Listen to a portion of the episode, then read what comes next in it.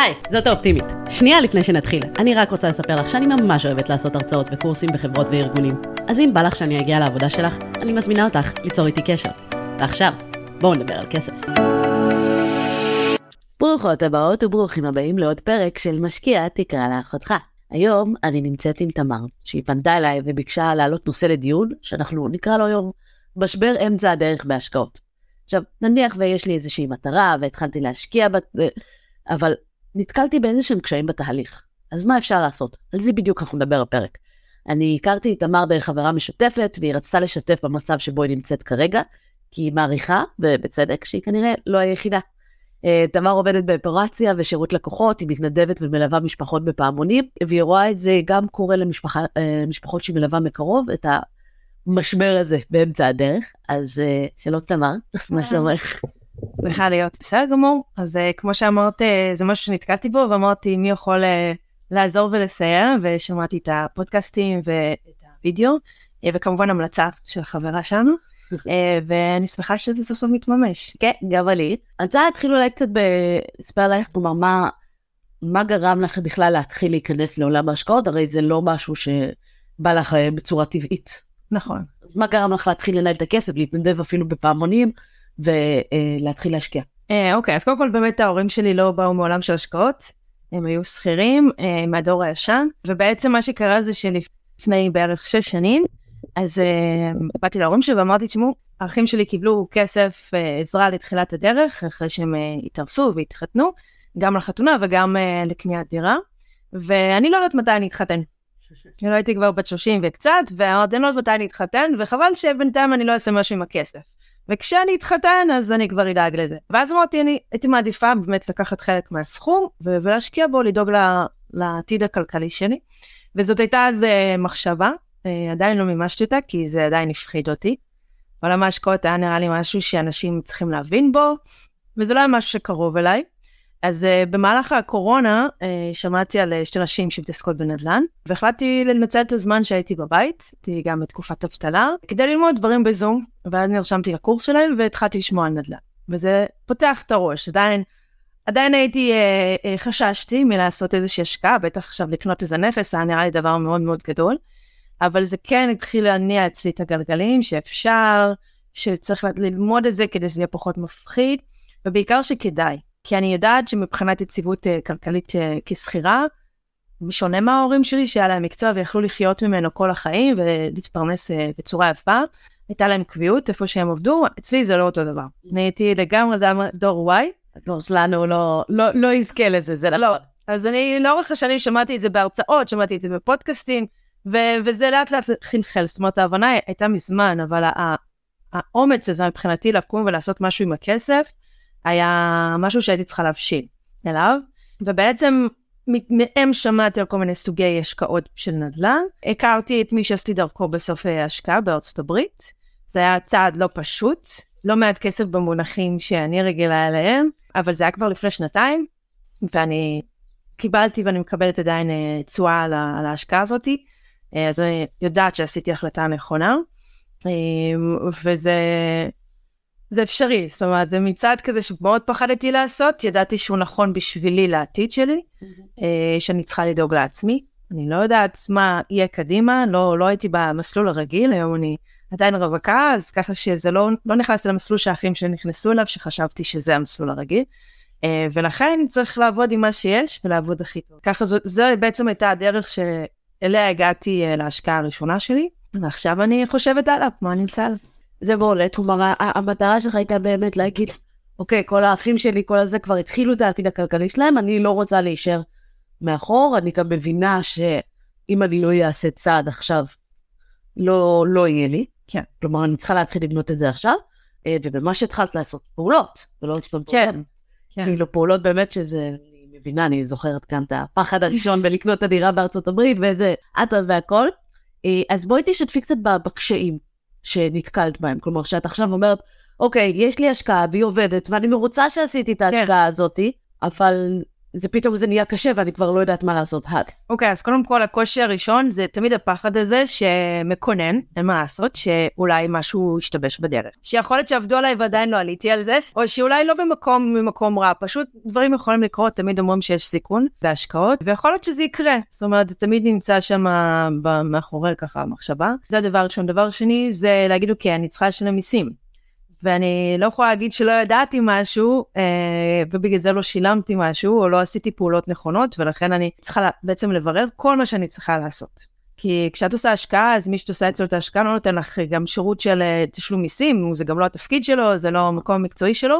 זה אה, כן התפקיד והמקום המקצועי להגיד שאת צריכה לעשות את זה. כן, זה נאמר. להגיד את זה מראש. נאמר, ולכן ידעתי בגדול מה אני צריכה לעשות. זאת אומרת, אם זה בארצות הברית, אז אני צריכה לשלם מיסוי שם, אני צריכה לשלם מיסוי בארץ, וזה מתקזז ביניהם. אז במונחים ובהגדרות הבנתי מה צריך להיות, אבל אז הייתי צריכה למצוא בעצם את מי שיעשה את זה בשבילי, רואה חשבון אה, שמתעסק במיסוי אמריקאי, או שהוא בארץ או שהוא בחו"ל, אה, ורואה חשבון ישראלי. או רואה חשבון או מי שיועץ מס שיכול לעשות. וזה דברים שלא עשיתי לפני זה. אז, אה, אז זה לשאול וזה להתעניין, וזה בכלל השאלה של איך אני יודעת שהוא עושה מה שהוא צריך לעשות בצורה טובה. אז אני כן סומכת על על אנשי מקצוע ברמה, ברמה הבסיסית, שאם הוא אומר שהוא עושה, והוא מראה לי את החוזה, אנחנו חותמים על חוזה לפני כן, ואחרי זה הוא נותן לי, מראה לי בעצם את התשלום שביצעתי מול ה-IRS. אה, לפני זה גם פתחתי רשות המיסים האמריקאית. כן, רשות המיסים האמריקאית, שהיא תמיד מצטערת כקשוחה מאוד, אבל היא מאוד מסודרת גם, ובעצם זה לפתוח קודם כל תיק שם, שזה ביצעתי, ואז אחרי זה, זה אה, בעצם הוא צריך להגיש דוח. הוא מגיש שני דוחות, הוא מגיש למדינה, כאילו ל-IRS, לפדרלי, הוא מגיש למדינה עצמה, שזה אוהיו, למדינת אוהיו. אז זה דברים שהוא עושה בעצמו, זאת אומרת, זה לא שאני צריכה לבצע את זה, אבל כן זה דברים שלומדים תוך כדי תנועה, וצריך נכון. לבדוק שזה קורה ברמה הזאת. וצריך לבדוק שהדוח שבארץ מוגש, ומוגש בזמן. אז, אה, אז כל פעולה כשעצמה היא לא מאוד קשה והיא אפשרית, אבל הכל צריך לוודא שקורה. וזה משהו שלפעמים גורם לי לחשוב, אוקיי, אז עכשיו אם אני ארצה להיכנס להשקעה אחרת, אני צריך גם לעשות את כל, הש... את כל הבירורים שלפני, נגיד אם אני מסתכלת על השקעה במדינה אחרת, או השקעה בשוק ההון, או כל נושא שעוד לא עשיתי עד היום. Mm-hmm. אז אני צריך גם ללמוד את הנושא לפני שאני עושה את ההשקעה, אבל גם אחרי שאני עושה את ההשקעה. No. נכון. לוודא שהכל רץ והכל בסדר, אה, שאין איזה שהם דברים בדרך. אה, אז זה משהו שגורם למחשבות, כאילו, כן כדאי, לא כדאי. אה, זה מובן לגמרי, זה גם תלוי מאוד בסוג ההשקעה. כלומר, יש השקעות שהן דורשות יותר התעסקות, כן. ויש השקעות שהן דורשות פחות. זה גם מהדברים שכשאנחנו בוחרות ההשקעה מלכתחילה, אנחנו רוצות לוודא אותם כמה שיותר. אבל אני אגיד לך מה, בתור מי שגם עשתה את זה והכל, כן, יש תחזוקה, יש התעסקות בדברים האלה, אבל בואי נניח שאת מקבלת, ואני סתם זורקת פה מספר, אלף דולר לחודש שכירות. כן. פלוס מינוס, אחרי כל ההוצאות, אחרי הזה. אוקיי, ואז אם היו באים ואומרים לך, תקשיבי, בשביל השעה בחודש התעסקות הזאת, כי זה באמת כמה שזה יוצא בממוצע. כן. שעה בחודש אה, התעסקות, האם היינו משלמים לך עכשיו אלף דולר? האם היית עושה את זה? כן, גם אלף שקל. גם בשביל אלף שקל היית עושה את זה. אומרת, אוקיי, אני יכולה לעבוד שעה בחודש. יש שכר מאוד יפה לשעה. נכון. אני הייתי כן. ממליצה, כלומר, במקום להסתכל על, אוי, כל פעם בירוקרטיה יש לי בהשקעה וכאלה וזה, להגיד, אוקיי, הנה הכמות, כלומר, הסיבה שאני השקעתי, זה כי זה ממש מנתק את הזמן שלי mm. מהשעות עבודה. כי בעבודה רגילה, לקבל עכשיו אלף דולר עבור שעה, שעה, שעת עבודה בחודש, זה לא שזה בלתי אפשרי, יש אנשים שמרוויחים את זה ומרוויחים יותר, אבל לרובנו זה משהו שהוא קצת פחות. עכשיו, כן. אני אגיד לך גם מעבר, גם אם קנית עכשיו עוד שלוש-ארבע דירות, אז זה לא הופך להיות שלוש-ארבע שעות בחודש. עוד שעה, שעה וחצי, כי את כבר יודעת מה הפעולות, כבר יודעת מה המסמכים. אני מסכימה שבשנה הראשונה זה כאילו קשה, כי את לומדת את הכל מאפס, כן. אבל בשנה השנייה את כבר יודעת מה צריך לעשות. ובשנה השלישית, אוקיי, כבר שמרת את ה... מראש קיבלת מסמכים, כבר שמרת אותם מראש בתיקייה, או כבר העברת אותם אוטומטית לרואי חשבון כאלה, ו... אז זה כבר הרבה הרבה פחות התעסקות, כי, כי את יודעת, בהתחלה, כן, לוקח את הזמן ללמוד. נכון, אבל אז כשתהיה את הדירה השנייה, ואת השלישית, ואת הרביעית, את כבר יודעת מה צריך לעשות, ואז זה גם לא שעה בחודש לכל דירה, זה יכול להיות אפילו שעה-שעתיים בחודש לכמה דירות. כאילו זה לא גדל באופן אה, אקספוננציאלי עם כמות הדירות. אוקיי. אז uh, כן צריך לקחת את הדבר הזה בחשבון ולהבין של, אוקיי, ברגע שעמדת, יכול להיות אגב, שמה שאת למדת זה לא מתאים לי, ההתעסקות הזאת. לא מתאים לי עכשיו להתחיל להגיש דוחות, גם בארץ, גם בחו"ל, גם פה, גם פה. לא רוצה, ואז את יכולה להגיד, אוקיי, סבבה, אני יכולה לצאת מההשקעה הזאת ברווח, למצוא איזשהו תזמון לצאת מההשקעה, ולהגיע להשקיע בישראל, ואז את פחות צריכה להגיש את הדוחות. Mm-hmm. שזאת גם אפשרות נכונה, כלומר, המטרה היא ללמוד מהתהליך. ומבחינתך, מה נשמע לך יותר נכון? לבוא להגיד, אוקיי, אני מוכנה להמשיך בכיוון הזה, כי אני כבר יודעת ואני כבר מכירה, נכון שזה לא כזה כיף, אני מודה, אני מגישה את הדוחות האלה בעצמי ומנהלת את הניירת ועוקבת אחרי המיילים וההתקדמויות והכל, אבל כשאני מסתכלת על כמה אני מקבלת מזה בתמורה, כן. אני אומרת, וואלה, זה שווה לי את ההתעסקות הזאת. או שאת אומרת, וואלה, לא שווה לי את ההתעסקות, בא לי למכור ובא לי לעשות משהו שהוא הרבה פחות התעסקות. מה שהכי חשוב להבין, כלומר מבחינת המשבר אמצע הדרך בהשקעות, זה להבין מה נכון לך כמשקיעה, כי זה לא שיש תשובה נכונה. זה לא שצריך להשקיע דווקא בארצות הברית, או צריך להשקיע דווקא בישראל, או דווקא באנגליה. זה מה טוב ספציפית עבורך. כן, כי יש הרבה אפשרויות. יש המון אפשרויות, נכון. אבל את צריכה לשבת עם עצמך ולהבין, אוקיי, בחנתי את האפשרות הזאת, עברתי כבר את הקושי. כלומר, נכון, בשנה הראשונה היה לי את הקושי להבין באמת למה אני ככה ולמה כאילו זה, ומה צריך לעשות, ועם מי צריך לדבר ועם מי צריך להגיש. אבל לשנה הבאה אני כבר יודעת את זה. כן. זה כבר מאחוריי. אז שנה הבאה יהיה לי יותר קל. שנה אחרי זה, שוב, שמה תזכורת, זה זה זה, מדברת עם האנשים, יותר קל. האם, האם את רוצה להמשיך בכיוון הזה או לא? כלומר, זו השאלה שאת צריכה לשאול את עצמך היום, במקום שאת נמצאת בו. אני חושבת שזאת ההזדמנות בעצם, אה, כמו שאמרתי, לא היה לי את הרקע שלמדתי איך זה המחשבה של בן אדם שמשקיע, אה, כי לא ראיתי את זה בסביבה שלי, ואני חייבת לציין שסביבה זה דבר שגם מאוד מקשה, כי כשאני התחלתי קצת לדבר עם אנשים על ההשקעה שעשיתי, אה, שזה בעצם להיות חלק מקבוצה שרוכשת ביחד, שבעצם מקימה חברה LLC בארצות הברית, וביחד שותפים בבעלות על מרכז מסחרי. זה בעצם התצורה שעשיתי, אז אני לא ישירות בעלת אה, נכס ספציפי, אה, שאגב זה התאים לי הרבה יותר, אפרופו התאמה, כן הבנתי את ההבדלים בין הדברים, וכן חיפשתי משהו שאני לא צריכה להתעסק אני אל מול משהו אה, ישירות, אלא שיש מי שעושה את זה, ולא ראיתי את זה מסביבי, והסביבה לא הייתה בעד.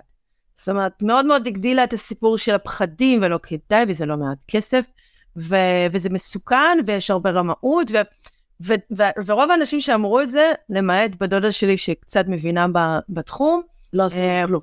לא עשו את זה. זאת אומרת, אפרופו גם אחים שלי, הם לא השקיעו, הם קנו דירות שהם גרים בהן. זה שונה. אה, ו- ואז היכולת זה לנקות את הרעשים האלה ולהגיד, אוקיי, מי שכן יודע, מה אתה מציע, ולא כן או לא, אלא מה אתה מציע לעשות, לבדוק וכולי. זה כאילו mindset מאוד שונה. ממה שאני רגילה ומהכלים שהיו בסביבה שלי. ואני צריכה לייצר את זה אצלי עם עצמי.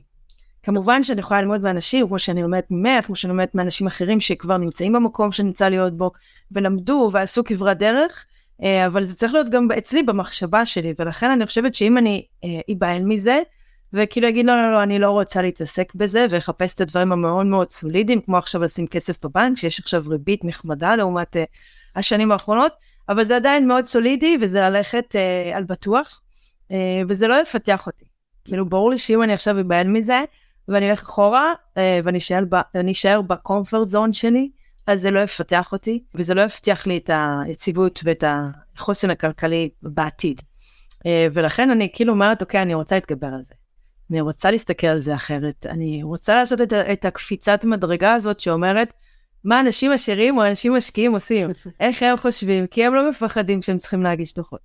להפך, כמה שיותר דוחות אומר גם שהם יותר מרוויחים, כי יש על מה להגיש את הדוח, יש את ההשקעה, יש הכנסה, יש תשואה, אה, ובדרך כלל אני מבינה שהם גם ממנפים את זה. אה, ולכן כאילו אני אומרת, אוקיי, יש פה את הפחד, יש פה את האי נוחות, יש כאן את האורך רוח שאני צריכה כל הזמן לגלות בעצמי ולדחוף את עצמי, ו... אבל אם אני אעבור את זה, המחשבה הפנימית, כשאני מסתכלת על אנשים שכבר נמצאים במקום הזה, אם אני אעבור את זה, אם אני אעשה את הקפיצת מדרגה, אני אוכל להגיע לשלב שהוא הרבה יותר נכון למה שאני רוצה. זה הקטע שלי. אוקיי, את העלית נקודה מאוד מאוד חשובה אה, של הסביבה, שזה באמת יכול להיות גורם מאוד מרתיע. אני גם זוכרת שעבדתי בהייטק וזה, ולא הבינו מה אני רוצה ומה אני עושה, ו...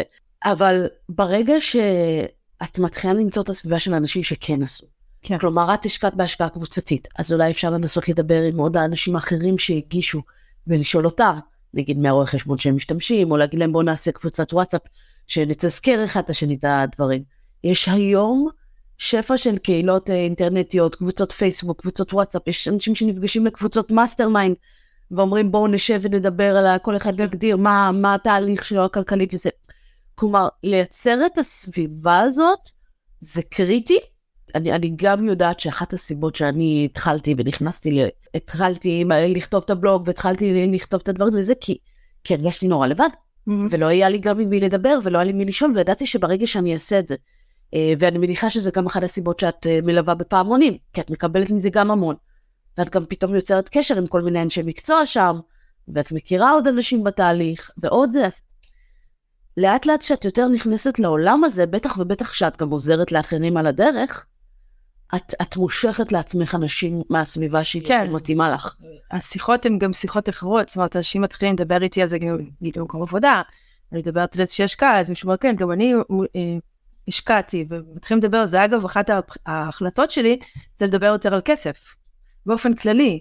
אה, בשנים האחרונות, מאז שאני, ב, גם בשנתיים האחרונות שאני בפעמונים, אז אמרתי, אני רוצה לדבר על כסף, ואפילו העברתי הרצאה על זה, ואני רוצה גם לייצר איזושהי קבוצת שיח של נשים בסביבה שלי, שבאמת ידחוף אותי להיות במקום הזה, וידחוף אחרות. כי משיחות של אחד על אחד אני מגלה שיותר ויותר נשים שהן בגילי ה-30-40, רווקות, שמסתכלות קדימה על העתיד שלהן, הן רוצות שבאמת לדעת שהן יוכלו לפרנס את עצמם עם זוגיות, בלי זוגיות, עם ילדים, בלי ילדים, אבל באמת שיהיה להם איזשהו גב שהן מייצרות לעצמן. ואנחנו דור שכן, לקח לו קצת זמן, אבל מבין שהוא, שעבודה היא לא מה שתחזיק אותו, כי יש כל כך הרבה תנודות בשוק העבודה, גם כשעובדים בהייטק לצורך העניין ומרוויחים יפה, יכולים למצוא, אנחנו יכולים למצוא את עצמנו אה, מפוטרים, ואם לא חסכנו ואין לנו מצבורים של כסף, אז אנחנו בעצם גם, ו- ובינתיים התרגלנו לח- לרמת חיים גבוהה, אני יכולה לראות את זה גם לפעמים במשפחות שמתעסקתם בפעמונים, הם באים מכל מיני רקעים, וזה יכול להיות גם מרקע כזה שההכנסה הייתה מאוד יפה, אבל לא, לא ידעו, לא השכילו לדעת אה, איך להתנהל עם זה ואיך אה, לחסוך את הכסף ולשים בצד, ואז בעצם מגיעים למינוסים בחובות. אז, אה, אז זה לא מה שמבטיח לנו את העתיד הכלכלי, השכר, כמה שהוא חשוב ונפלא, ועבודה זה דבר זאת אומרת, אנחנו, הרבה מאיתנו מוצאים את עצמנו מתפרנסים כשכירים וכולי, אבל זה לא מה שבעצם יבטיח. וזה כאילו זה משהו מחלחל, ואנחנו מבינים את זה, ואני חושבת שיותר ויותר נשים אה, מעל גיל 30, רווקות, משכילות, אה, לא רק, גם, גם בתוך מערכות יחסים, אה, מבינות שהן צריכות יותר לעתיד שלהן. אה, אז כן, כמו שאמרת שיצרת את זה בשביל עצמך, אני גם חושבת ליצור את זה בשביל עצמי ובשביל הקהילה שסביבי. נכון, או להצטרף לקהילה או ליצור אחת כזאת. גם וגם, כן. ללמוד אה, ולהעביר על הידע כל, כל הזמן. בדיוק, כי אם את מצטרפת לאיזושהי קהילה של אה, אנשים קיימים, או. של אה, אנשים, אנשים אחרים שמתעסקים בזה, אז את גם לומדת מהם כל הזמן. כן. את, את גם נמצאת עם אנשים שאיתך לאורך הדרך. כלומר, הם גם באותו mindset, הם לא עכשיו מתחילים לפחד ויגידו מה פתאום ולמה להתעסק וזה, תקני למגורים וזהו, זה הדבר היחיד כן. שחשוב. שוב, לאנשים יכול להיות שזה עבד, והרבה מאוד זמן. והיום פתאום המשכנתאות עלו וזה, והם מגלים שאולי זה לא כל כך קל כמו שהם חשבו, ואולי היה צריך גם לחשוב על עוד מצבורי כסף אחרים. כן. אבל כשאת פתאום את מקבלת טיפ מההוא, וההוא אומר, רגע, אפשר לעשות ככה, וזאתי אומרת, אה, בחנתי השקעה כזאת, וכאילו כל הזמן את נחשפת לעוד ועוד ידע, ועוד ועוד אנשי מקצוע, ועוד אה, אה, אנשים אחרים שכן מרוצים, פחות מרוצים.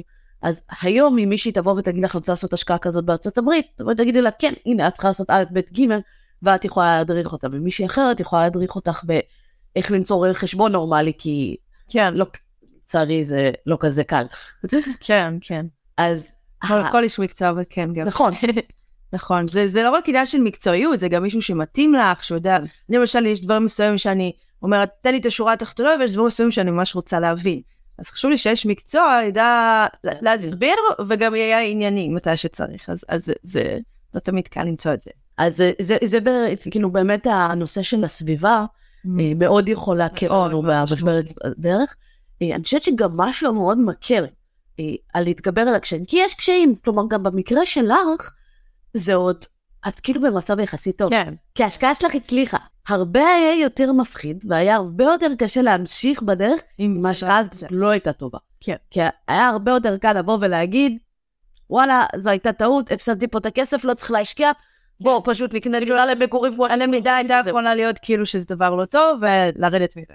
בדיוק. כן. אה, ואת יודעת, אני, כשאני התחלתי להשקיע, התחלתי להשקיע בשוק ההון, ודווקא אחד הדברים הכי טובים שקרה לי, זה שהמניה שקניתי בלי אפס הבנה, בלי זה בתור התחלה, ירדה כאילו ישר אחרי, אחרי שקניתי אותה. ו...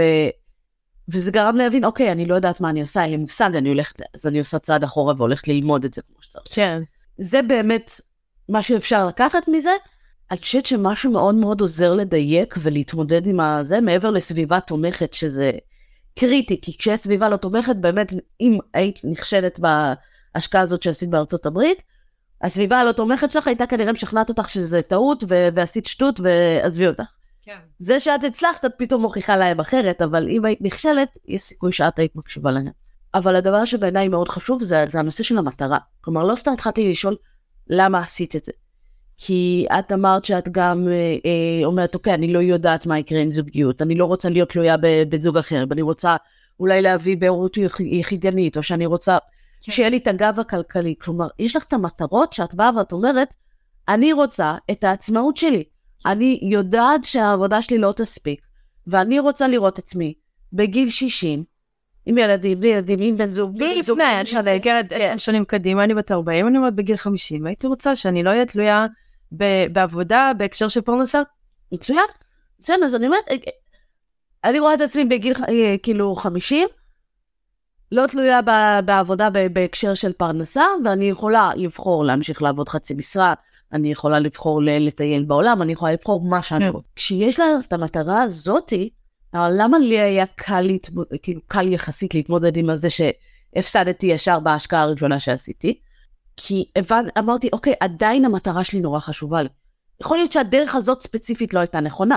מה שעשיתי היה נטול ידע ויש פה שכר לימוד ושילמתי אותו ולמדתי אותו, אבל אני עדיין רוצה, המטרה שלי לא השתנתה, אני עדיין רוצה להגיע לשם, ועדיין הדרך שבאים ואומרים לי כל הזמן, לכי תעבדי עד גיל הפנסיה ואז הפנסיה לא תספיק, פשוט לא, לא היה מביא אותי לאן שאני הייתי רוצה להגיע.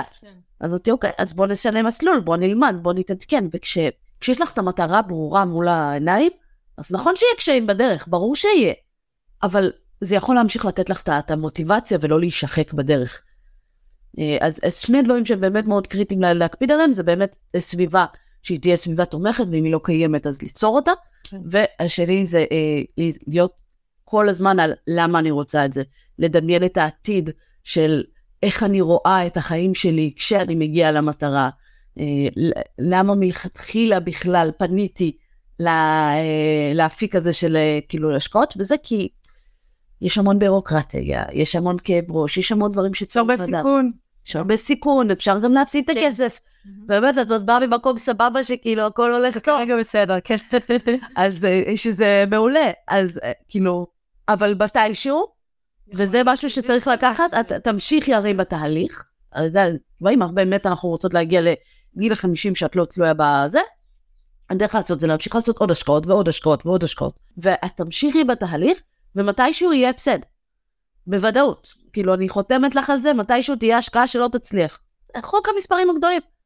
אוקיי, לטווח הארוך, השקעות כן מצליחות, כן מוכיחות עצמם, גם שוק הנדל"ן, גם שוק ההון, הוכיחו את עצמם כעובדות ל- ל- לאורך שנים. בטווח הקצר, כן, יהיה פה, פה ושם נפילות, יש משברים, יש אה, זה, יש לצערי גם מוקצים, יש... ויש שכר לימוד לשלם בתהליך.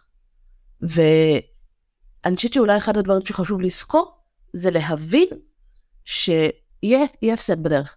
כלומר, לא לפחד מזה, אלא לקחת את זה כחלק מהתוכנית. כלומר, להבין, זה הולך לקרות, אה, זה לא אני הולכת להשקיע ולקוות שזה לא, לא יקרה בחיים, כי מתישהו זה יקרה, לקבל את זה, אוקיי? כמו שאנחנו מקבלים שמתישהו אנשים שאני אוהבת בחיים שלי ימותו. כי, כי, או כי שלא כל. העבודה שאני אעשה היא בדיוק מה שחשבתי שהיא נכון. תהיה. או לא כל מערכת יחסים תצליח כמו שחשבנו. אבל- תמיד יש משהו שלא קורה כמו שאנחנו רוצים. ו- ו- וזה יקרה וזה חלק מהתהליך, אבל זאת לא סיבה מספיק טובה לא לנסות בכלל. כן. כלומר, זה חלק מהזה, ומתישהו יהיו חלק מההשקעות שהן יפסידו. וזה נכון לכולכם, כל מי שמאזין כרגע, כל השקעה שאתם תעשו, יש סיכוי, לא רע, שמתישהו, אה, מה זה סיכוי לא רע? בוודאות, אם תמשיכו ותתמידו ויש לכם מטרה כל כזאת, שנה שיותר, אז הסיכוי הזה יעלה. נכון? אה, והסיכוי הזה יעלה, ותהיה השקעה אה, אחת לפחות שלא תצליח כמו שצריך. ברגע שאני מקבלת את זה, אז גם ניטרלתי הרבה מאוד מהפחדים, כי אני אומרת, אוקיי, זה לא, אוקיי, אני אשקיע ויכול להיות שזה יפסיד. בוודאות זה יקרה. בוודאות תהיה השקעה שתפסיד. אוקיי, שבהקשר הזה, סביבה שעשתה את זה, וש... שגם בתוכה יש אנשים ש... שזה קרה להם, היא מאוד קריטית. נכון. כי... שקרה והמשיכו למרות זאת. כן, כן, כי זה, כאילו, כשאת אומרת את זה, אני חושבת לעצמי, שבעצם אם אנחנו נהיה, לה- נתייעץ עם אנשים שזה קרה להם, אז, והם המשיכו, הדר, מה שהם ייתנו לנו יהיה שונה לחלוטין לעומת אנשים, או שעדיין לא נפלו במשהו, ו... או שלא ניסו כי הם מפחדים ליפול. כן, אנשים, זה בכלל הכי גרוע. כי זה רוב האנשים שמרשים לעצמם לחלק עצות. כן, וגם זה הכי גרוע להתייעץ איתם, כי בעצם אין שם שום למידה. זאת אומרת, גם אם מישהו נפל והחליט לא להמשיך, עדיין זה, יש בזה איזושהי למידה מסוימת שאפשר לקחת מאשר מישהו בכלל לא ניסה. ולכן גם את העצות שאנחנו לוקחים, שאנחנו מבקשים, אז אנחנו צריכים לדעת מי נכון. לשאול, מ- ממי לבקש אותן. נכון, אני כל הזמן אומרת שהאנשים שאנחנו צריכים להתעלם מהעצות שלהם זה אנשים שלא עשו בכלל, או שמדברים מניסיון של אחרים ואומר, אה, היה לי חבר שעשה ככה וככה, והוא נכשל, כן, והוא הוא לא יודע. כלומר, אחד הסיפורים שחוזרים זה, במשפחה היה איזה מישהו שהשקיע את, את הכסף בשוק ההון והפסיד את הכל. ואז זהו, שוק ההון, קזינו, בורסה, הימורים, אי אפשר להשקיע. עכשיו, זה לא כן. נכון. יכול להיות שהבן אדם לא ידע מה הוא עשה, לא למד, אה, אה, השקיע ב... ב... כאילו משהו גרוע באיזה חברה, את כל הכסף שם על חברה אחת, ואז כאילו החברה הזאת פשטה רגל. זאת לא, זה לא אומר שזאת דרך נכונה להשקיע, לשים את כל הביצים בסל אחד. כן, אפשר באמת, לדעת. כאילו, זהו, ורוב האנשים גם האלה שבאים ומספרים לך את הצ'יזבטים ואת הסיפורי פרט, כשתתחילי לתשאל אותם ולחשוב, רגע, מה הם עשו בדיוק? איפה הם השקיעו? איזה בדיקות עשו לפני כן? מה זה? פתאום מגמגמים. לא יודעים, רק יודעים שהם השקיעו והפסידו כסף, אז לא, צריך להשקיע. כן, כן. כן, אז זה לא כדאי. אז אם את תדברי עם האנשים שעשו את ההשקעה בעצמם, עשו את ה... זה אני הדירה הראשונה שקניתי בארצות הברית, כמה, איזה חודשיים, שלושה אחר כך, גילו בה עובש. עכשיו, בארצות הברית הדירות בנויות מעץ, זה פתאום עוד 5,000 דולר שלא שמתי לב, כאילו ש... שוב, לא ידעת שזה... לא, לא, לא ידעתי בכלל שזה לא צריך להיות. לא לקחתי בחשבון. עוד 5,000 דולר הייתי צריכה להוציא מהכיס לתיקונים, לשיפוצים, לזה, להוציא את העובש, לזה, וזה הכי מבאס בעולם. בדירה הראשונה שאני קונה, מזלי כן, קניתי כן. עוד שתיים באותו רגע, אבל זה קצת איזן את זה. כן. באמת הדירה הזאת עשתה הרבה צרות, וכל הזמן התחלפו הדיירים, כל הזמן זה. אבל אחרי איזה שנתיים, בגלל שכל הזמן התחלפו הדיירים, אז השכירות שם הייתה נורא גבוהה. יותר גבוהה מכל הדירות האחרות, ששם זה הכל היה יציב והכל. גם בסופו של דבר מכרתי אותה ברווח מטורף וזה, והיא התחילה בתור השקעה כאילו לא, לא טובה, כי היה לה כל מיני תקלות, ובסוף היא הפכה להיות אחת מההשקעות היותר טובות שעשיתי. וזה היה צריך אורך רוח מצידך, להגיד אוקיי, אני יודעת שיכול להיות שזאת לא השקעה טובה, אבל אני ממשיכה ואני אראה תוך כדי תנועה אם אני צריכה למכור או לא צריכה למכור. נכון.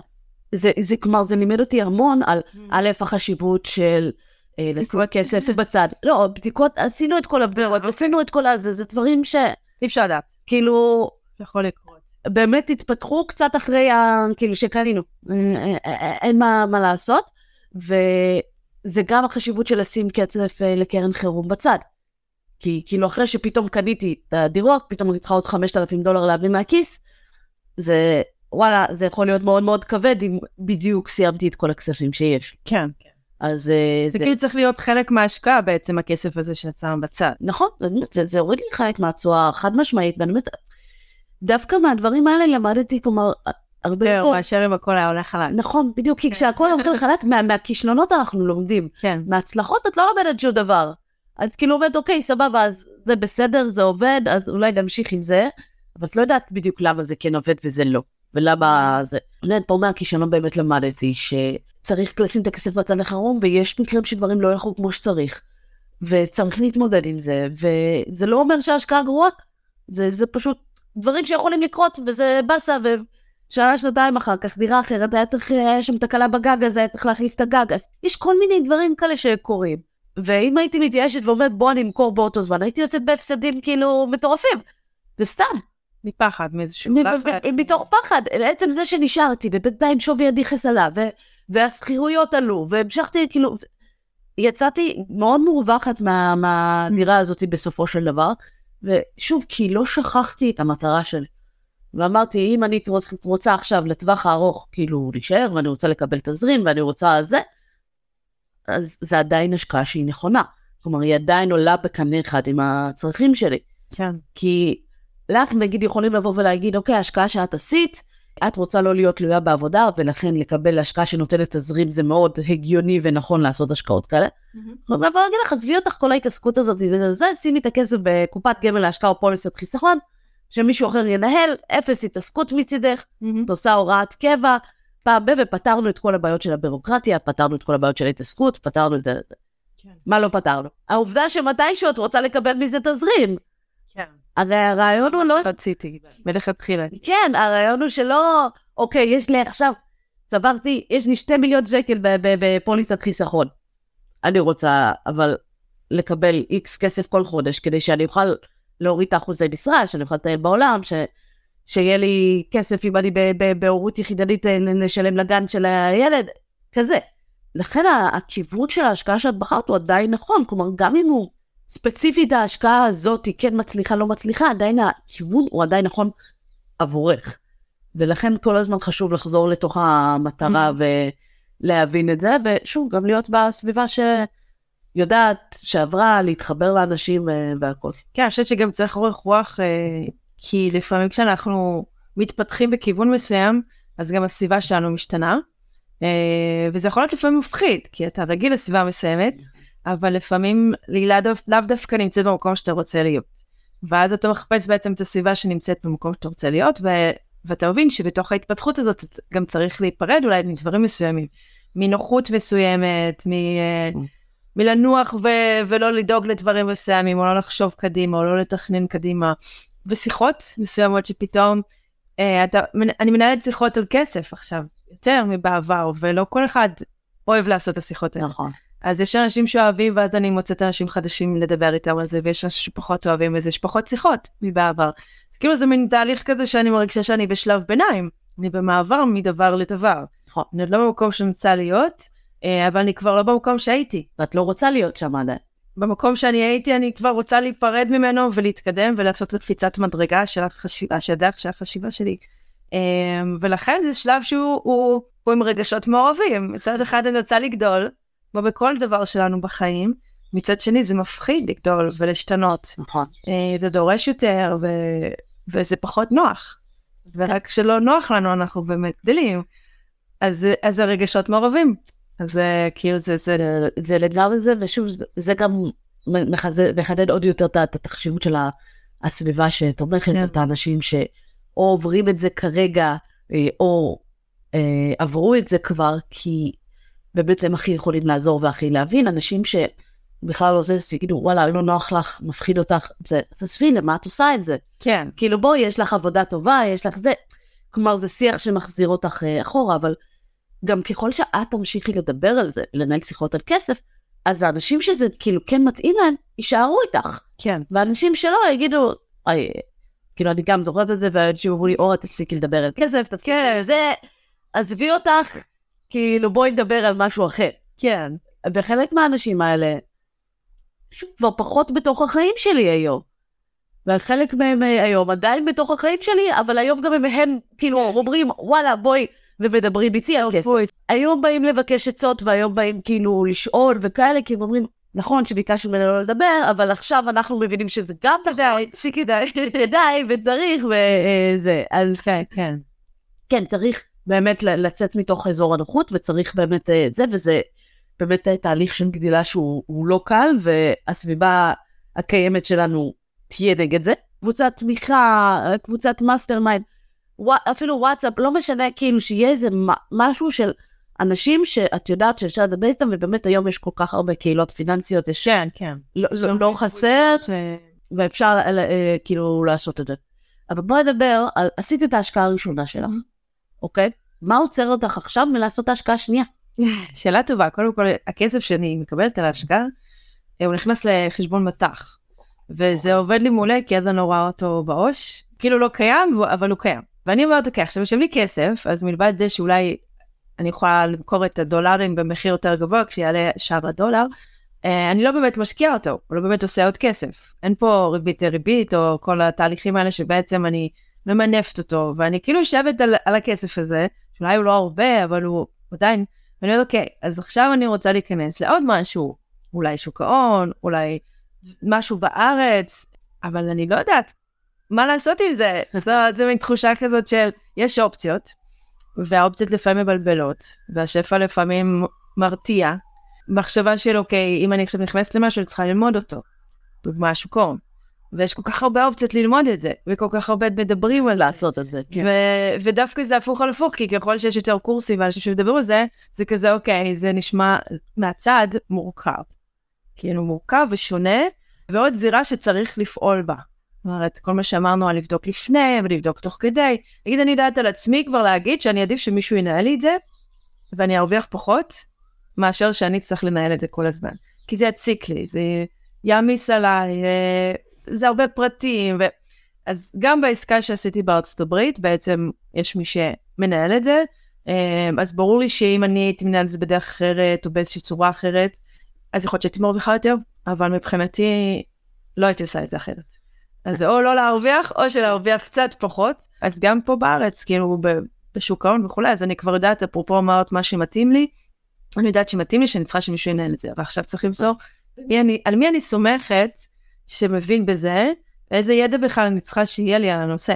אוקיי. Okay. Uh, ולפעמים המחשבה הזאת היא זו שמרתיעה אותי מלעשות את הצעד הבא, כאילו הצורך להתעמק uh, בעוד תחום, הצורך לחפש מישהו ש... אבל למה זה חייב להיות תחום אחר?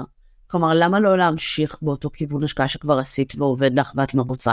הסכומים של הכניסה אליהם הם מאוד גבוהים. הייתי רוצה את הסכומים שאני מרוויחה כרגע מה, מההשקעה הזאת, להכניס בעצם משהו אחר. כי אם אנחנו מסתכלים על נדל"ן בארץ או בחו"ל, זה נגיד השקעות שהן באתונה, השקעות שהן אה, באירופה, זה, זה במינימום 60 אה, אלף דולר או יורו, וכרגע זה, אני לא רוצה לשים עוד סכום שהוא מאוד גבוה. אה, אני גם חושבת אולי על מחיר למשתכן, השקעה, סלש מגורים, תלוי מיקום, תלוי אה, עלות. אז גם אני כאילו באיקון כזה, אני נכנסת להגרלות, ואומרת אולי הפעם, אולי הפעם. אז בעצם אני לא רוצה לשים שוב סכום גדול יחסית, כמו ששמתי, שכרגע יש לי בארצות הברית, ולכן אני מחפשת מקומות שאפשר גם להתחיל בפחות כסף. פה כרגע המטרה שלנו היא יותר להגדיל את ההון mm-hmm. אה, לתקופה של השנה, שנתיים, שלוש הקרובות. זה לא אותה מטרה כמו שהייתה לך את ההשקעה הראשונה שאמרה, אני, אני רוצה איזשהו תזרים אה, כדי שאני אוכל לצאת לכ-50, אלא זאת אומרת, יכול להיות שאני ארצה לקנות דירה להשקעה דרך מחיר למשתכן, אה, יכול להיות שאני רוצה פשוט לצבור סכום גדול יותר ואז לעשות עוד השקעה בנדל"ן. כרגע המטרה של הכסף שיש שם, תזרים בדולרים שאת מקבלת, היא קצת שונה מהמטרה של אה, זה כן. שהייתה לפני כן. כאילו בגדול לקחת את הכסף ולנסות לייצר ממנו עוד, כשמדובר בסכום לא גדול מלכתחילה. אוקיי. אז כלומר ברגע שדייקנו את המטרה כבר יותר קל לנו להבין את זה ואז גם את אומרת אני רוצה שמישהו אחר ינהל לי את זה. כן. אני, יש לי את היכולת לשבת, ללמוד וזה, לא מעניין אותי, אני רוצה שזה. אז לכן דווקא מכשירי השקעה בשוק ההון שהם מנוהלים. יכולים להיות הרבה יותר מתאימים עבורך. כן, הייתי לוקחת סיכון יחסית יותר נמוך, mm-hmm. כלומר משהו שהוא לא 100% מנייתי או סיכון גבוה, אלא זה סיכון בינוני או מסלול כללי או משהו כזה, mm-hmm. כי את כן רוצה להשתמש בזה בשנים הקרובות, את רוצה שהוא יישב ויגדל, יצמח, ומתישהו אני אשתמש בו. כן. אבל שהכסף יעבוד בינתיים.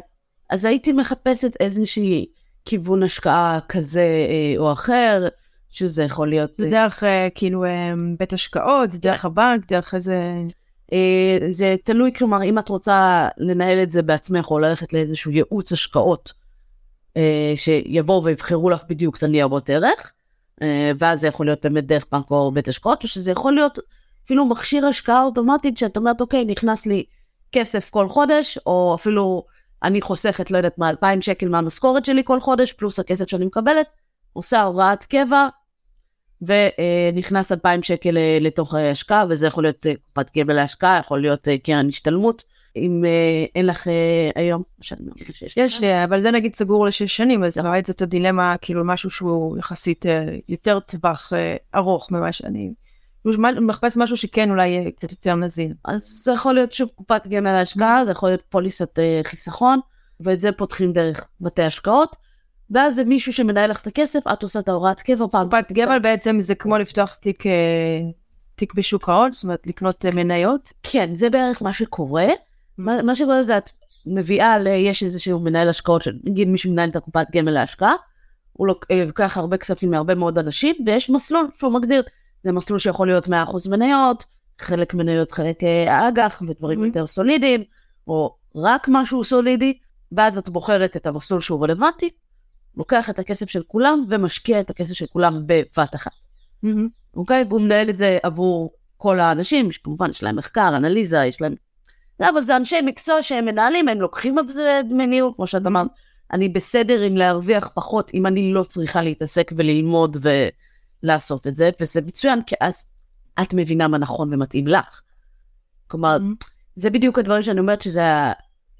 דווקא עכשיו, כשזה ההשקעה השנייה, את יותר מבינה מה הצרכים שלך, את יותר מבינה מי את כמשקיעה ומה יותר נכון לך, אז יותר mm. קל לדייק את ההשקעות שמתאימות. אז באמת, כשהחלטנו מה המטרה והחלטנו מה ה... אה, זה, מכשיר כזה יכול להיות מאוד נוח בשבילך של, הוא לא יושב בראש, הוא כן יושב והוא מושקע, את לא מתעסקת בזה, כן לוקחים לך דמי ניהול על זה, אבל מבחינתך את אומרת זה משהו שאני מוכנה לשלם אותו, כן, בשביל זה שאני לא צריכה להתעסק. כן. ואז את אומרת, אוקיי, צוברת שם הסכום, עוד שנה, שנתיים, שלוש, ארבע, חמש, לא יודעת כמה אה, זה, אם זכיתי במחיר למשתכן, אז נמשיך לצבור שם את הכסף עד שנגיע, אם לא זכיתי, אז אולי אני אקנה... זה משהו שאפשר כל הזמן להכניס אליו כסף וגם כן. להוציא? זה נזיל בזה, זה עניין כמה של... ימים. כמה ימים, כן. בדיוק. ואז את לא צריכה להתעסק עם זה ברמה הזאת. כן. כלומר, את יכולה, הדרך באמת היותר זולה היא באמת להבין וללמוד. אם היית אומרת, אני רוצה גם להגדיל איזשהו תזרים, אז הייתי אומרת, אולי תלמדי להשקיע ותשקיעי במניות שמחלקות דיבידנדים, כמו שמחלקות, יש מניות שהן קצת כמו לקנות דירות קטנות להשקעה, שהן מחלקות תזרים. לזה אפשר לעשות דרך בית השקעות? כאילו שזה... זה את צריכה לפתוח חשבון השקעות ואת צריכה לנהל את זה לבד. כלומר, או, או שיש מנהל תיקים, וזה כבר בדרך כלל סכומים הרבה יותר גבוהים, וכאילו mm. מישהו שהוא יהודי, ואת אומרת לו בדיוק מה את רוצה שהוא יעשה ספציפית עבורך. כן, כי נגיד קופת גמל להשקעה, אז הוא אומר, זה המסלולים שיש, תבחרי ואני מנהל לכולם לא באותה דרך. אה, אבל באמת, אם היית אומרת לי, בא לי ללמוד, מעניין אותי, מרגש אותי זה, אז הייתי אומרת לך, אוקיי, את מעניין אותך תזרים ומעניין אותך להיכנס בסכומים קטנים, יכול להיות שאת יכולה אה, לקנות מניות שמחלקות אה, דיבידנדים, כן. שזה הרווחים לבעלי המניות, ואז mm-hmm. יש לך כאילו ממש תזרים שנכנס שיכול להיכנס כל חודש, כל רבעון, כן. כל שנה, לא משנה, כל מניה וכמה שהיא מחלקת, ואז את יכולה ממש להתחיל אה, כאילו לקבל את התזרים, אבל זאת אומרת, דווקא נוח לי עם הנדל"ן. כן, כי אני מרגישה שגם יש המון חזיתות בחיים שצריך אה, נכון. קשב אליהם, שזה הבריאותי והכלכלי והמקצועי והכל הכל הכל, כשזה לא ב passion של, של ההפרטים האלה ולראות את זה עולה ויורד בגרפים, ו... אז, אז זה מוסיף. לי זה נגיד התחושה זה עומס. או שיש זה fun, אז זה ממש תלוי מה, איך אתה מרגיש. נכון, אמרתי, יש הרבה כן. אפשרויות, כן, אבל כן. דווקא בעצם זה שאת באת ודייקת מה נכון לך, את יודעת, לאנשים אחרים זה לא יהיה רלוונטי. אבל כשאני אומרת, אה, דווקא את קוראת לזה משבר אמצע הדרך, אני אומרת, את באה עם הרבה יותר תובנות. את באה עם הרבה יותר ידע, את אומרת, אוקיי, כבר התעסקתי בהשקעות, כבר עשיתי, ואני רואה שזה לא נוח לי וזה, ואני רואה שממש בסדר לי, וטוב לי, ואני אשנה את זה לסוף, שאני משלמת לאנשי מקצוע לנהל לי את זה, וזה. כן, כן. אז מצוין. אז, אז בואי נעשה, כן. כאילו נלך לכיוון הזה. תלכי כאילו אה, למשהו בשוק ההון, תבחרי איזשהו אה, מכשיר אה, השקעה שהוא נכון לך, ותמצאי עכשיו את המנהל השקעות שתנהל לך את זה, בסדר. ואת לא, כאילו לא תתעסקי, פשוט תעשי את ההוראת קבע, ואז את תהיי במקום שבו את פעם בחודש מעבירה את הכסף מהחשבון מטח לישראלי, ומעבירה את זה לפרטי להשקעה, גם מתוך המשכורת שלך את חוסכת, לא יודעת מה, עוד אלף, אלפיים שקל וזה, mm. מוסיפה את זה, הוראת קבע, את אומרת, הנה, יורד לי כל חודש ה-X כסף הזה, וזהו, זה ההשקעות שלי, אני לא נוגעת בזה מעבר. בדיוק כמו שמהתלוש משכורת שלך יורד לך כסף לקרן השתלמות ולפנסיה, כן. ואת לא נוגעת בזה, מישהו אחר מנהל את זה. אז ככה זה יהיה. אז הכסף יגדל, יצטבר, ועוד שנה, שנתיים, כשתחליטי, אוקיי, בא לי לעשות את ההשקעת נדל"ן נוספת, אז כבר יהיה לך מצבור כסף שיחכה לך בשביל זה. ואז את בינתיים יכולה לשבת לחקור את ההשקעות נדל"ן, את יכולה בינתיים להחליט, אה, אולי יישב ואלמד, או יחפש אה, עסקת נדל"ן בעצמי בארץ, או שאני אחפש, אה, אה, לא יודעת מה. אני לה, לה, להתמקד בקריירה בכלל. להגדיל את ההכנסה, נכון, כדי שאפשר יהיה דרך זה גם uh, לייצר עוד uh, השקעות. נכון. וכאילו, זאת אומרת, אני רוצה לפנות את המשאבים שלי. כן. מתוך הזה של ההשקעות, כי אני לא רוצה להתעסק בזה, ו- וזה באמת גישה שהיא נכונה עבור הצרכים שלך. אז אני אומרת, ההשקעה השנייה שלך, במצב שאת נמצאת היום, צריכה להיות יותר בכיוון, דווקא פחות בנדל"ן, כי כרגע את אומרת, אין לי את ההון העצמי ואני לא מרגישה בנוח להתחיל עכשיו לקחת הלוואות ולהיכנס לנשים סכום מאוד מאוד גדול. Mm-hmm. אני רוצה משהו שהוא יכול להיות חודשי ואני רוצה משהו שישחרר אותי, כדי שאני אוכל להתמקד בלהגדיל את ההכנסה בקריירה שלי, בדברים נוספים. שוק ההון הוא כלי באמת מצוין לפי זה, כן צריך לדעת שהוא תנודתי, עולה יורד וזה, ו... כלומר לדעתי גם שוק ההון הוא מורה מצוין אה, להכיר את עצמך כמשקיע, כן. בגלל שהוא כל הזמן עולה יורד. ואז את אומרת, אוקיי, האם אני יכולה להתמודד עם זה, או שאני יכולה לבוא להגיד, רגע, אני לא באמת צריכה את הכסף הזה כרגע, כן, אני צריכה אותו לעוד שנתיים, שלוש וזה. מה זה משנה מה קורה איתו עכשיו? משנה לי מה יקרה איתו עוד שנתיים, שלוש, אז נבדוק ואז נ- נסתכל. כן. בינתיים בוא נמשיך להשקיע, כי המחירים ירדו והכל יותר זול. כן. אז אה, סבבה. אני חושבת שכשאני מרגישה שמשהו מטופל, בכלל, בכל דבר, אז אני יותר שקטה. כן. כאילו, כל זמן שזה עוד לא מטופל, אז זה יושב לי בראש שלי. אה, דוגמה הכי קטנה, יש לי צ'ק שקיבלתי החזר מארצות הברית, שזה, החזקתי צ'ק אמריקאי שהחזרו לי איזשהו סכום, כנראה הם אה, בחשבונות לקחו יותר, ואז אנחנו קיבלנו החזרים. זה, קודם כל זה מרגש להחזיק צ'ק אמריקאי, זה לא משהו שהיה קורה בדרך אחרת, אה, אבל עוד לא הפקדתי את זה. וזה כל הזמן יושב לי בראש, כאילו, כי שנים לא הפקדתי צ'קים, ואני תוהה עם עצמי אם זו אותה דרך שמש... שהם מפקידים, וכאילו משהו טכני קטן, מינורי, שאפשר לפתור אותו. אבל זה עדיין יושב לי בראש, כאילו המחשבה שזה עוד לא טופל. ולאחרונה חשבתי שאולי אני אקדיש לזה באמת את הזמן הזה שאני אומרת, אוקיי, שעה בשבוע, אני אשב על פיננסי, לא משנה מה, כאילו לראות מה, מה מטופל, לא מה, מה לא מטופל וכולי, ו, ו, ושזה יעשה לי את השקט לשאר השבוע. כי כל זמן שאין לזה את הזמן היהודי לזה, ואני עושה את זה כי אני חייבת עכשיו, כי זה סוף השנה, כי זה סוף הזה, כי מישהו לוחץ עליי שצריך, אז בראש שלי אני כל הזמן לא, לא דואגת לזה, אני לא דואגת לזה, מה קורה? זה כנ"ל גם ההשקעה. אוקיי, יש כסף שיושב, חבל שהוא יישב, חבל שאני לא משקיעה אותו, בוא, נ... בוא נעשה קפיצת מדרגה. מבחינתי המשבר הוא, הוא בלעשות את העוד, בלהגיד כן. אוקיי, יאללה, זה, זה הרבה עבודה, אבל אני רוצה יותר, אני רוצה עוד. לא, לא בשביל זה התחלתי, לא בשביל דבר אחד, אלא בשביל דבר אחד שבונה עוד דבר, שבונה עוד דבר. זאת אומרת, זאת התוכנית, זאת המחשבה, זאת המטרה. אנחנו במרתון, לא בספרינט. כן. לא עשינו את ההשקעה וזהו, זה נגמר, אלא כן, באמת אנחנו מדברות פה על תוכנית שאת בנית לעצמך עד גיל 50. זה ייקח זמן. כן, כאילו, בסדר. גם, גם המשבר הוא גם משבר אמונה שלי, בעצמי, בדרך, כאילו שבאמת אני אצליח, האם אני באמת אצליח. כי זה, זה, כמו שאמרנו, אני מרגישה שאני הראשונה, פורצת הדרך בסביבה המאוד מאוד קרובה שלי, לפורמט הזה שבו אני כאישה לבד משקיעה ודואגת לעצמי, אה, לפרנסה שלי מסביבי, זה תמיד היה בפורמטים אחרים, ולכן זה, אני אצליח, אני לא אצליח, אני לוקחת משימה גדולה מדי על עצמי, אז, אז המשבר הוא, הוא משבר גם ב, ב, באמונה שלי בדרך. כן. ואני חושבת שבאמת, מה שאמרת, גם הסיפור של להתייעץ עם אנשים שנמצאים שם, גם בלשים את הכסף ולהגיד, אני רוצה להתייעץ עם הבן אדם הזה, עם האישה הזאת, ש...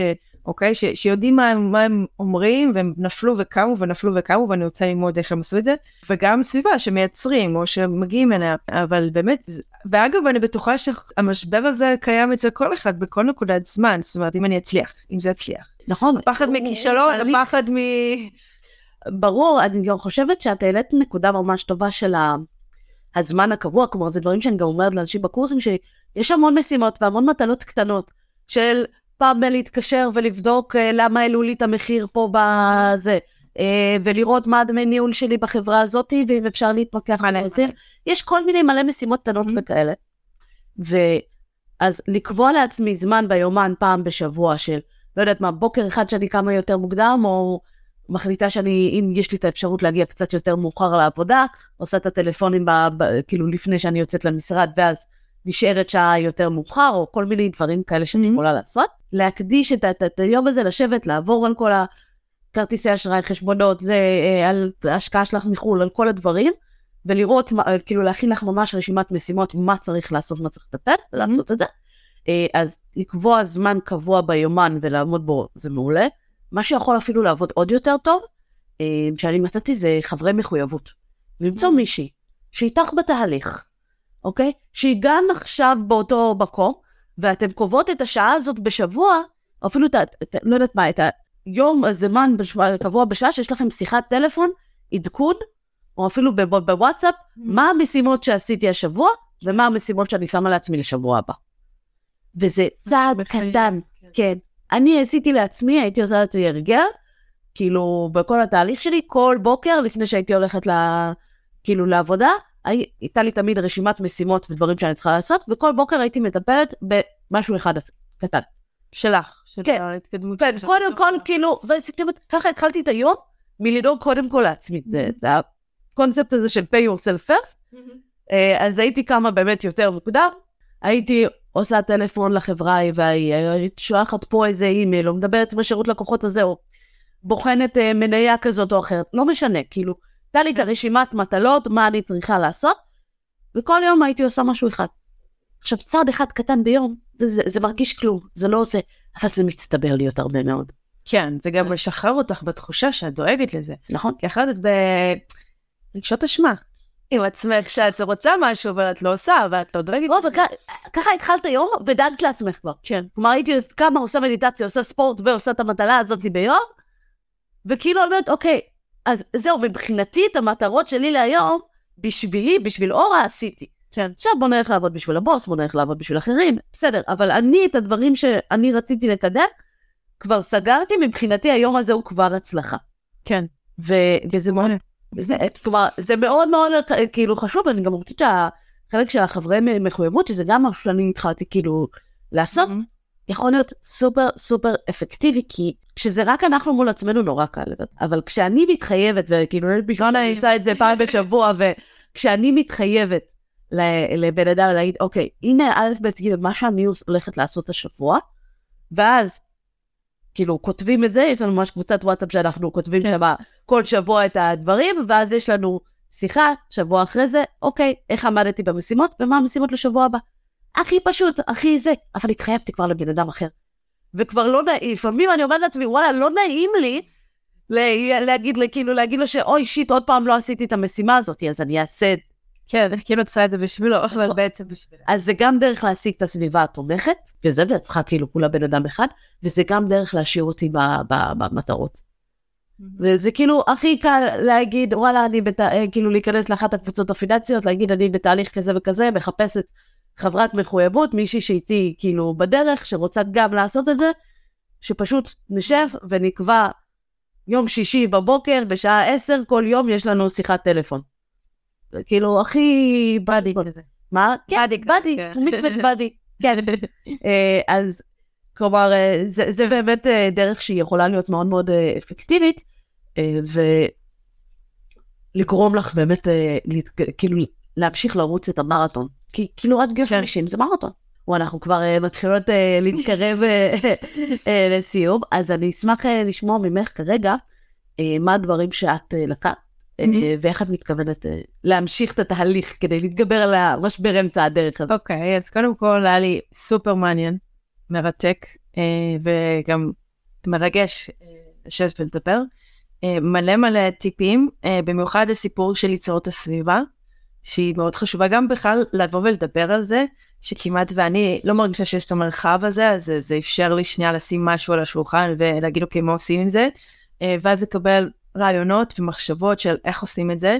אה, לדעת שכל משקיע בהתחלה היה במקום הזה ויכול להיות שגם תוך כדי תנועה הוא במקום הזה אה, וזה זה נכון אגב לכל תחום. אתה רוצה לרזות אתה רוצה לאכול בריא יותר אז באמת אתה צריך גם לוודא שאתה במקום הנכון כדי שיקח אותך למקום הנכון. אז המון מוטיבציה זה נותן השיחה הזאת היא נותנת לי אני יוצאת מכאן עם הרבה מוטיבציה להמשך הרבה מחשבות שכבר אוקיי מה אני הולכת לעשות היום מחר השבוע זאת אומרת, היו לי מחשבות, אבל, אבל ממש הייתי צריכה את הפוש הזה. ממש ממש, במיוחד מישהי ש, שבאמת נמצאת במקום הזה, עם הניסיון הזה, ודוחפת לשם.